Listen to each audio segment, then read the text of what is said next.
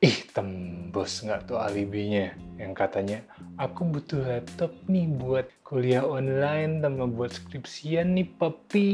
Ya kan, Terus papi udah transfer 25 juta. Lo dengan semangat berangkat ke Tokped, lo cari-cari deh tuh, lo scroll-scroll. Laptop yang oke buat main Dota. Dan lu baru nggak nih pas lagi nge-scroll. Ternyata 25 juta tuh nggak ada apa-apanya ya. Ada laptop harga 30, 40, 60, 80 juta juga ada gitu. Terus mungkin lo mikir, anjir itu laptop 60 juta, 40 juta buat apaan deh? Emang si Agannya bakal ngegojekinnya sama ini, sepaket sama Gal Gadot gratis gitu? Hei, tenang, tenang. Lu, lu, lu jangan jangan horny dulu, tenang dulu. Laptop-laptop yang range harganya 30 sampai 80 jutaan itu sebenarnya masuk kategori dia punya partai deh. Namanya high performance laptop. Nah, gaming laptop alibi skripsi pada hal Valorant ini tuh masuk ke situ sebenarnya.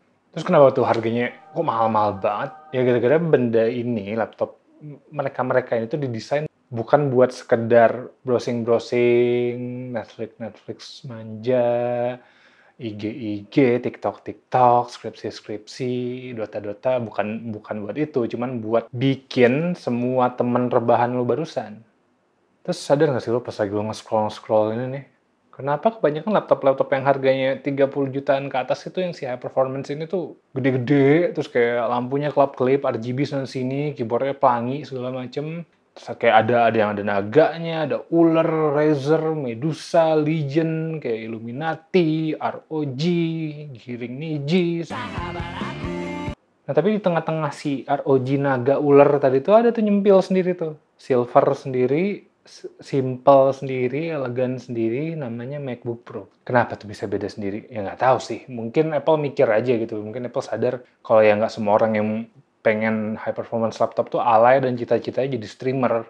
Nggak pengen jadi next ninja, nggak semua orang. Dan ternyata nggak sedikit juga makhluk-makhluk yang kurang fans sama pernagaan ini ya. Makanya di kubu Windows juga ada kan kayak XPS series dari Dell, yang kayak MacBook Pro killer gitu. Kalau Asus kalau nggak salah namanya Pro Art atau something. Laptop ini desain buat kayak creator, marketing biasa. Nah mereka tuh punya sub kategorinya lagi. Mereka tuh masuk ke partai thin and light high performance laptop. Dan karena kepanjangan gue singkat jadi T ini. Apa tuh bacanya? Telepahal. Ya, telepahal problemnya nih ya, problemnya. Semua internal kan, semua komponen dalam laptop itu mulai dari CPU, GPU, RAM, SSD, storage, semuanya itu kan makan listrik nih. Nah, makin canggihnya juga mereka biasanya makin tinggi nih makan listriknya. Makan listrik makin tinggi berarti outputnya juga berupa panas, itu juga makin panas. Nah, panas ini makin panasnya dia, panas yang berlebihan ini butuh di manage dong. Sama cooling system yang jauh lebih gede. Sebenarnya law of physics aja sih. Tapi kalau lo nggak paham nih, kalau lo nggak paham tentang tenang tenang, udah gue udah gue siapkan formula grafik yang bikin bisa bikin lo paham. Dan ini super scientific ya. Nah, ini grafiknya. Jadi grafiknya ada performa di atas. Ini apa sih namanya? Ada dia-nya ada performa dan di X-nya ada alay. Nah, lo bisa lihat kayak makin tinggi performa laptop, karena yang tadi barusan yang tadi yang gue jelasin, makin tinggi performanya, akan makin alay juga bentuknya nggak usah ngomongin bentuknya bentuk laptopnya deh. Lu kalau bisa lihat chargernya chargernya dipakai buat tuh kalau lu lempar ke kepala orang tuh hilang kepala orang tau gak lu? Mud, rata bersih tuh clean cut. Nah jadi kalau teori grafik gue ini bener ya dan pasti bener karena gue emang ahli IT yang uh, sudah tersertifikasi Metaverse Pro Max. Oke? Okay? oke. Okay. jadi pasti bener dan kalau teori gue bener nih, jadi feeling gue adalah si naga-naga itu subliminal message aja buat calon customer kayak, nih, woi lihat nih, performa gue kenceng dan gue bisa nahlukin, gue bisa manage nih semua panasnya dengan laser RGB naga perkasa gue predator nih dengan kepredatoran gue, gue bisa wah nih panas nih gue wih gue usir panasnya. Kalah semua juga. Kipas gue ada 10 ya kan kalah kipas Wadesta. Dan memang betul si Naga barusan ngomong gitu memang betul. Kayak si Telepehal nggak bisa. Telepehal tuh nggak nggak bisa macam-macam kayak Dell XPS atau kayak ProArt itu nggak bisa nge dinginkan nge ngejinakin komponen-komponen high end kayak i7, i9 terus atau kayak Ryzen atau 5950X high-end GPU uh, kayak Nvidia 30 series gitu atau ya sama other high-end stuff yang makan listrik gede itu nggak bisa. Laptop-laptop tipis tuh nggak bisa ngehandle itu. Dan itu termasuk MacBook Pro ya. Lu jangan nge-Apple fanboy terus lu bilang Apple kan magic. Nggak nggak Apple nggak magic. Apple sama kayak semua perusahaan lainnya juga harus ngehandle masalah ini. Nggak ada yang bisa nggak ada yang nggak ada yang imun terhadap masalah ini makanya overheat kan kalau buat lo yang make nih make MacBook Pro tuh dari dulu tuh tiap ngerender di Final Cut tuh kayak wah kipasnya buka Illustrator artboard banyak dikit langsung wah terus kayak buka Chrome sama sambil nggak tahu Zoom meeting tuh langsung kipasnya kayak wah dan kalau lu cuekin nih si nge ini dia akan thermal throttle.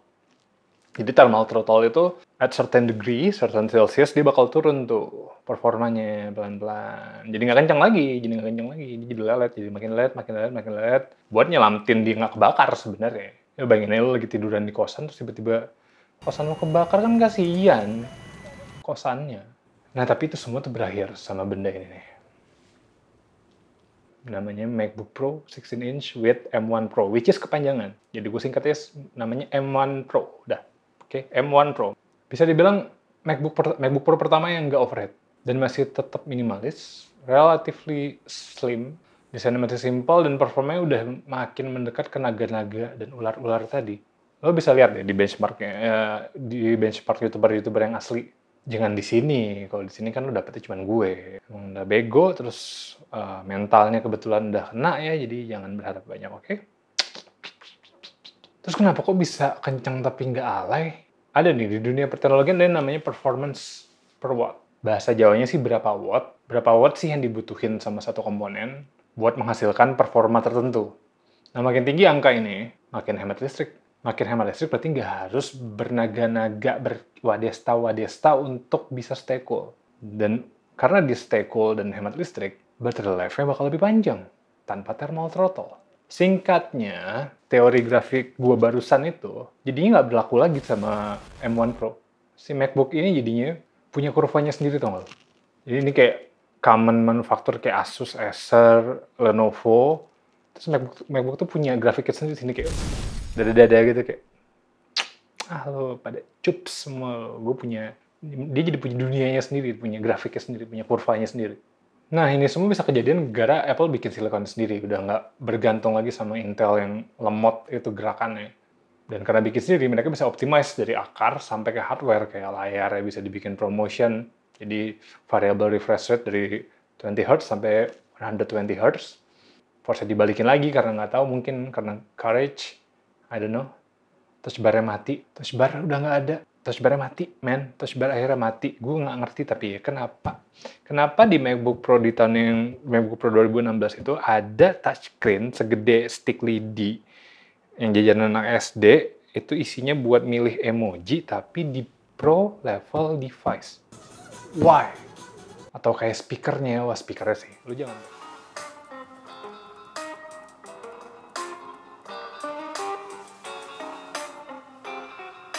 Lu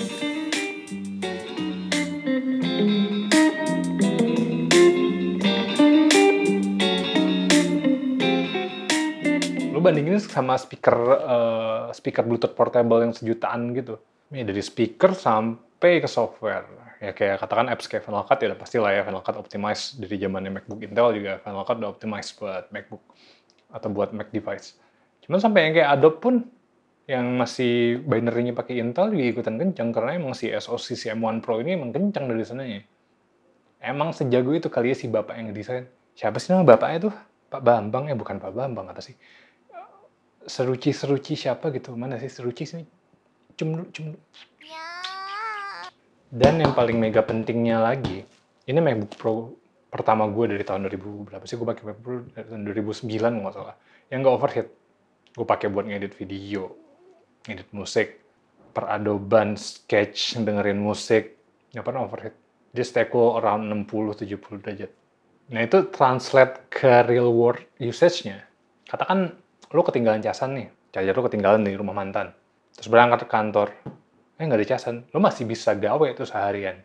Nggak usah worry sama lu nggak bawa casan. Kayak kalau di usage gue sih sekitar 9 sampai 11 jam. Baterainya itu bisa tahan 9 sampai 11 jam. Lu bayangin aja dulu. Itu dengan pakai Final Cut dan kawan-kawan tuh. Nggak, gue nggak cuma browsing TikTok, tenang aja. Pro Max yang satu lagi yang please kalau bapak lu bukan koruptor yang unggul atau lu bukan Reza Arab, jangan beli yang M1 Max. Itu bukan buat lu. Ini udah cukup kenceng. M1 Pro sudah cukup buat lu. Jangan buang-buang uang. Di kubu sebelah nih, lo ketinggalan casan di rumah mantan kayak gitu. Gak usah, gak usah lo ngomongin 11 jam. Lo tinggal bersin juga baterainya habis. Dan yang lebih parahnya lagi, MacBook tuh dari zaman dulu ya, ini nggak nggak cuman nggak cuman MacBook Pro yang baru ini dari zaman Pak Soeharto main benteng juga MacBook Pro itu dia nggak ada bedanya performanya antara lo plugin, lo colok kecasan atau pakai on battery itu nggak beda. Sedangkan kalau di kubu Windows, lo perhatiin deh kalau misal lo cabut laptop-laptop naga itu cabut casannya, performa langsung turun. Karena si, si komponen itu butuh listrik yang memang lebay gitu, makanya sampai ada yang dua gitu chargernya, kayak 200 watt, 200 watt, nggak tahu buat ngapain, mau, mau saingan sama PLN kali. Jadi mau gimana ya, udah emang kayak gitu. Kalau beli laptop, high performance laptop di kubu Windows ya lo harus deal sama lo harus colok casan ke mana-mana. Kalau kecolok casan, kalau nggak kecolok casan. Tapi tenang, tenang, tenang. Semua tenang. Gak ada yang sempurna nemu di Tinder kok ngomongin sempurna-sempurna, gila. Contoh minusnya nih ya, oke displaynya displaynya oke banget. 1600 nits, HDR, variable refresh rate.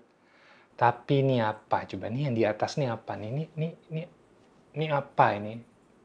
Hah? Hah? Coba ini bercanda apa gimana nih?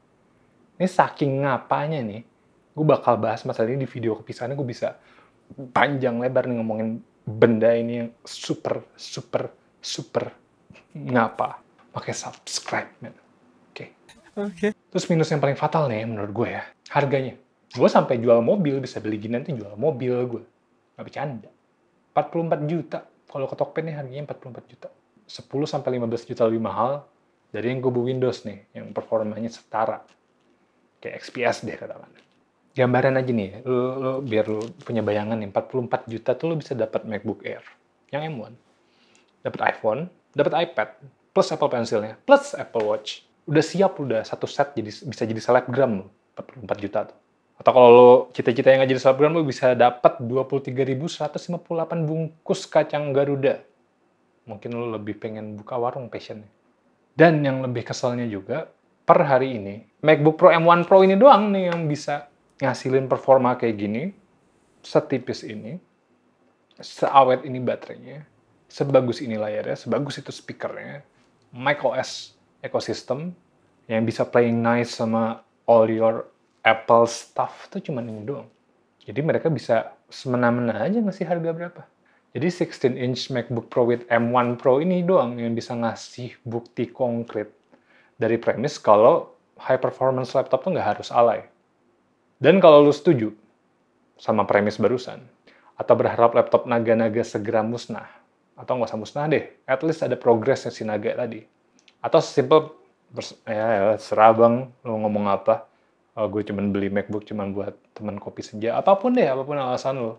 Kalau lo mau punya 16 inch M1 Pro, alibi lo harus lebih canggih ke papi dari sekedar aku butuh skripsi, kan butuh buat kuliah online. Oke, segitu dulu. Jangan lupa subscribe.